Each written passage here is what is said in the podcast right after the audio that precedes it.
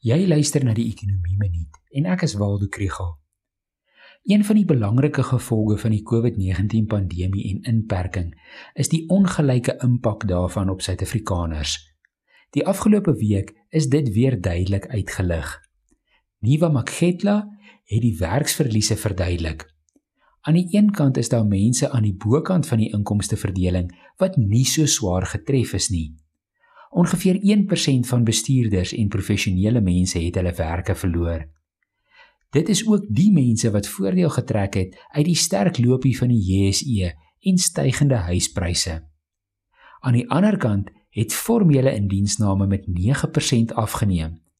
Min of meer 13% van informele sektorwerkers het hulle werke verloor en 10% van huiswerkers. Verwant hieraan het Tracy Duwys verduidelik dat daar 'n groot kans is dat hoofuitvoerende beamptes se betaling hierdie jaar gaan opskiet. Maatskappye se verdienste het 'n knou gekry in 2020, maar as die ekonomie hierdie jaar groei en maatskappye beter vaar, kan die bonusse wat aan aandelepryse gekoppel is, baie groot wees. Die probleem is om almal te laat inkoop in die regering se fiskale konsolidasieplanne. As slegs die elite ten gunste is van inkrimpende beleid wat die staatsskuld stabiliseer, dan is dit nie volhoubaar nie. Dit gee suurstof vir argumente dat die regering net aan sy bome waaraan die geld moet groei kan gebruik.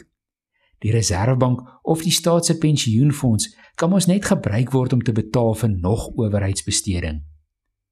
Ekonome sal vinnig kan verduidelik dat daardie is nie bome waaraan geld groei nie. Maar hoe oortuig jy mense wat hulle werke en inkomste verloor het dat dit nou nodig is om te besnoei en te hervorm? As jy meer van die ekonomie wil leer, volg die ekonomie blok.